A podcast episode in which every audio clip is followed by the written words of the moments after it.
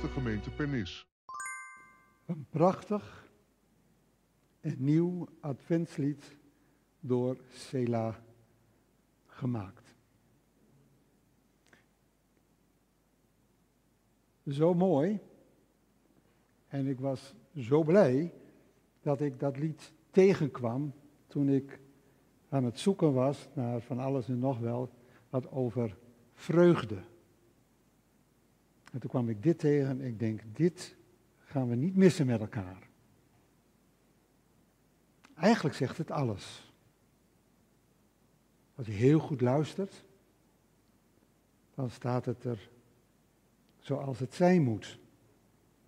Zoals het daadwerkelijk tot vervulling zou kunnen komen in levens van mensen. En toch, dacht ik, durven we nog wel blij te zijn? Durven we nog wel ons met elkaar te verheugen? En ik dacht bij mezelf, wij voelen toch ons veel meer platgeslagen in de tijd waarin we leven. Wat nou vreugde? Ik voel me soms zo verschrikkelijk teleurgesteld. Laat ik beginnen bij mezelf, in mezelf. En soms ook een beetje bij een uitslag van een verkiezing. En iedere keer als ik kijk naar hoe het op dit moment in Gaza gaat en hoe het is geweest op 7 oktober. Hoezo? Wie is er dan nog blij? Wie kan zich dan nog verheugen? Je bent veel eerder ontsteld over wat er om je heen gebeurt en wat je niet begrijpt. Kun je dan nog, als het er niet is, verlangen naar vreugde? Of verlangen naar blijdschap? Heb je nog daadwerkelijk in de tijd van Advent iets te verwachten? En wat zou dat dan moeten zijn? Ik ben bang. Soms ben ik bang. Niet voor mezelf, maar voor de kinderen en de kleinkinderen. Als het steeds maar erger en steeds maar ingrijpender in deze wereld wordt, als tegenhanger van vrede, steeds maar meer oorlog, steeds maar meer doden. Kleine kinderen in een kleine strook aan de zee, die niet meer kunnen spelen. Het maakt me angstig. Ook onze eigen omgeving maakt me wel angstig, want dan lees je zomaar in de krant dat er niet genoeg aan personen is die anderen kunnen beveiligen. En degene die beveiligd zouden moeten worden, moeten dan maar thuis blijven. Dat is ons land, hè? Dat is ons land, onze omgeving. Hoezo? Hoezo dan, Caudete? Hoezo verheugt u? Kunnen we dat nog wel echt waarmaken in ons eigen leven, dat je ergens blij van wordt? Ik begrijp, denk ik, de jongeren wel die naar feesten gaan en helemaal uit hun dak gaan om om zeg maar met elkaar zoveel plezier te beleven en zoveel vreugde te beleven, dat, dat, dat alle angstige dingen of alle nare dingen van school of van weet ik waar, van hoe mensen met je omgaan, hoeveel verdriet je zelf hebt, om dat maar weg te dansen, om dat maar weg te zingen. En ook al ga je oren er eens van krijgen, dan toch, alsnog en naartoe. Wat voor vreugde is dat? Ik zou dat voor mezelf onstuimige vreugde noemen. Zoals je soms ook onstuimige vreugde hebt bij grote mooie dingen die jou overkomen. Dingen van een uur of van een dag, van even. De wereld waarin wij leven staat haaks op wat we zouden willen ervaren. Zou vreugde misschien ook een ander karakter kunnen hebben dan zeg maar die onstuimige blijdschap, die, die voor even als een soort van drugs zijn werk doet.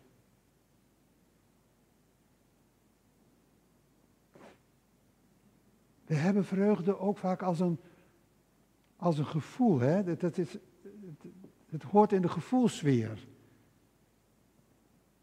Als vreugde intens is en goed is, dan, dan is het alsof het je hele lichaam doortrekt en dat je het vooral ook voelt in, in, in deze streek. Hè?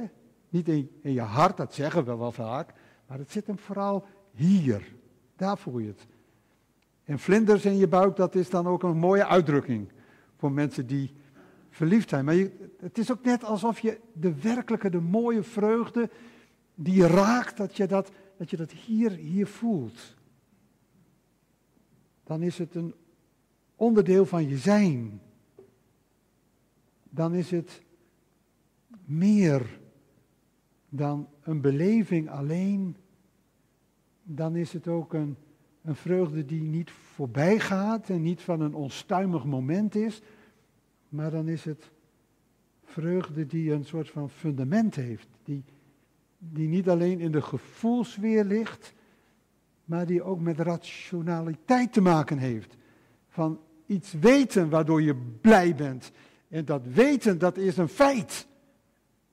Dat is een hele andere vreugde dan onstuimige vreugde. Hè? Het is een vreugde die, die ook niet altijd in een glimlach tot uitdrukking komt.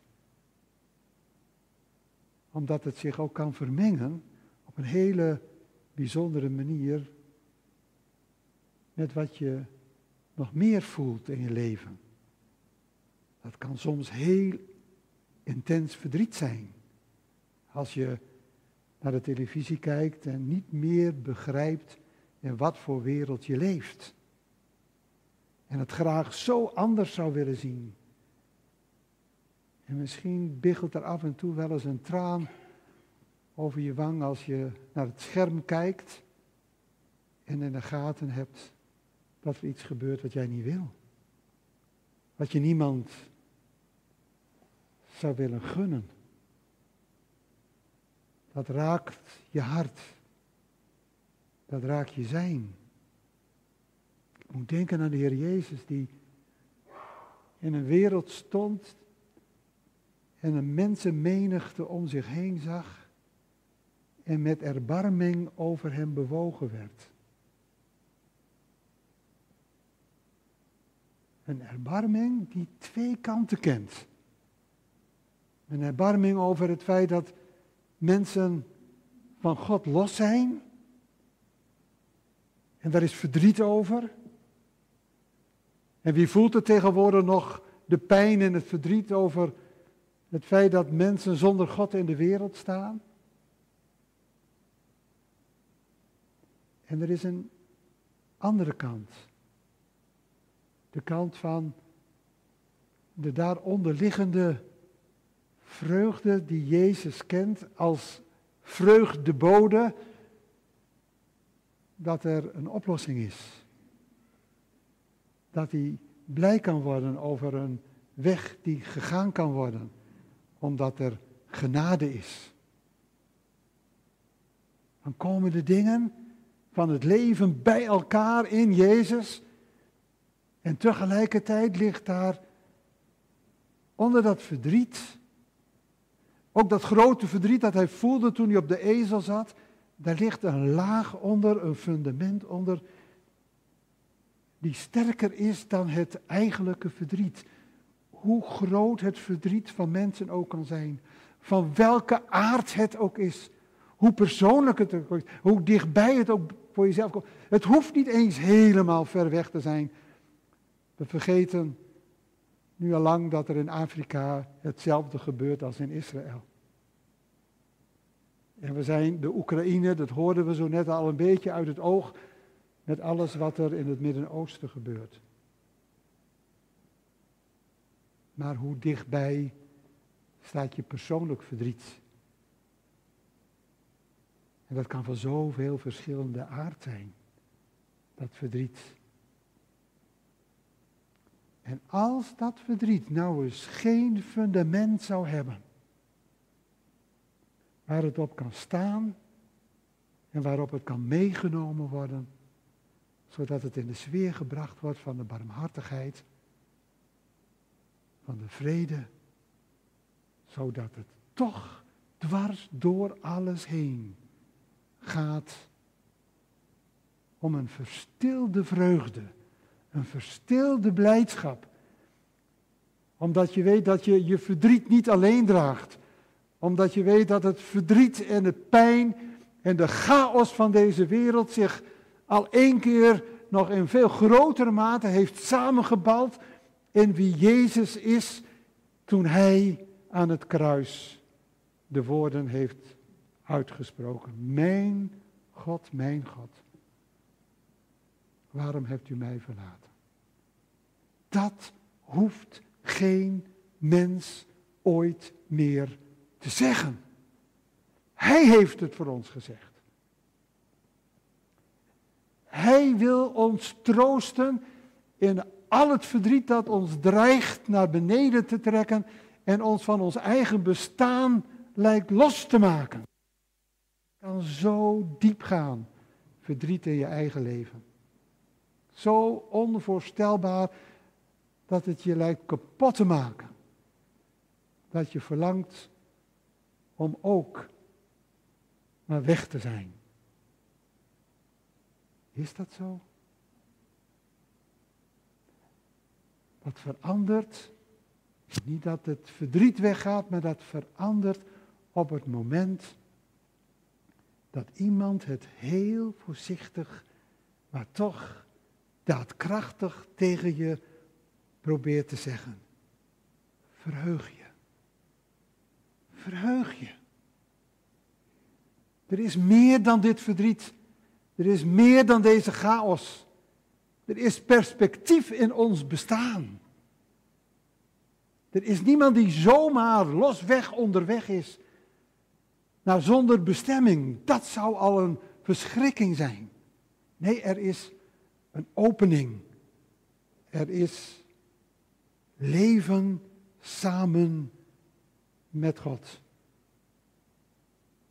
De diepste vreugde, de diepste vreugde is de vreugde van het weten dat Christus in ons woont.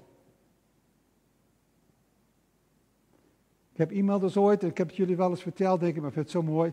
Ik heb iemand wel eens horen getuigen die niets anders uitbracht dan ik ben zo bliede omdat ik zo bliede ben en daarom ben ik zo bliede. Ik ben zo blij omdat ik zo blij ben. En daarom ben ik zo blij. Maar een getuige, ik vond dat zo'n diepe bekentenis van een groot geloof, want je blijdschap is geworteld in de vrucht van de geest van de Zoon van God. Dat kent u wel, hè? 1 Korinthe 13. Wauw! Daar word je blij van. Daar word je nou echt intens blij van. En weet u wat het uitwerkt op het moment dat je zo verdrietig bent?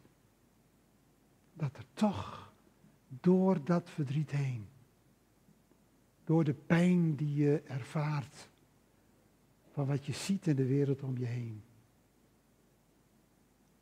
Die blijdschap zegt, het blijft niet zo. Het blijft niet zo. God wil ten einde brengen. Hij heeft de grondslagen, het fundament ervan al gelegd. We hebben dat te vieren. We hebben dat te vieren. Vandaag en de komende weken op weg naar het kerstfeest om uitbundig te kunnen zeggen, mens onder mensen. En weet u waarom we het kunnen vieren hier en nu al? Omdat wij de twee kanten van de vreugde kennen.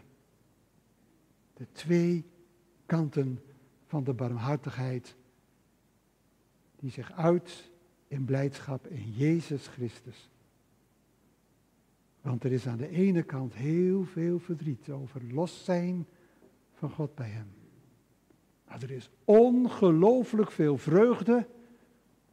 Er zijn verschillende prachtige verhalen in het Nieuwe Testament over beschreven dat er grote vreugde is.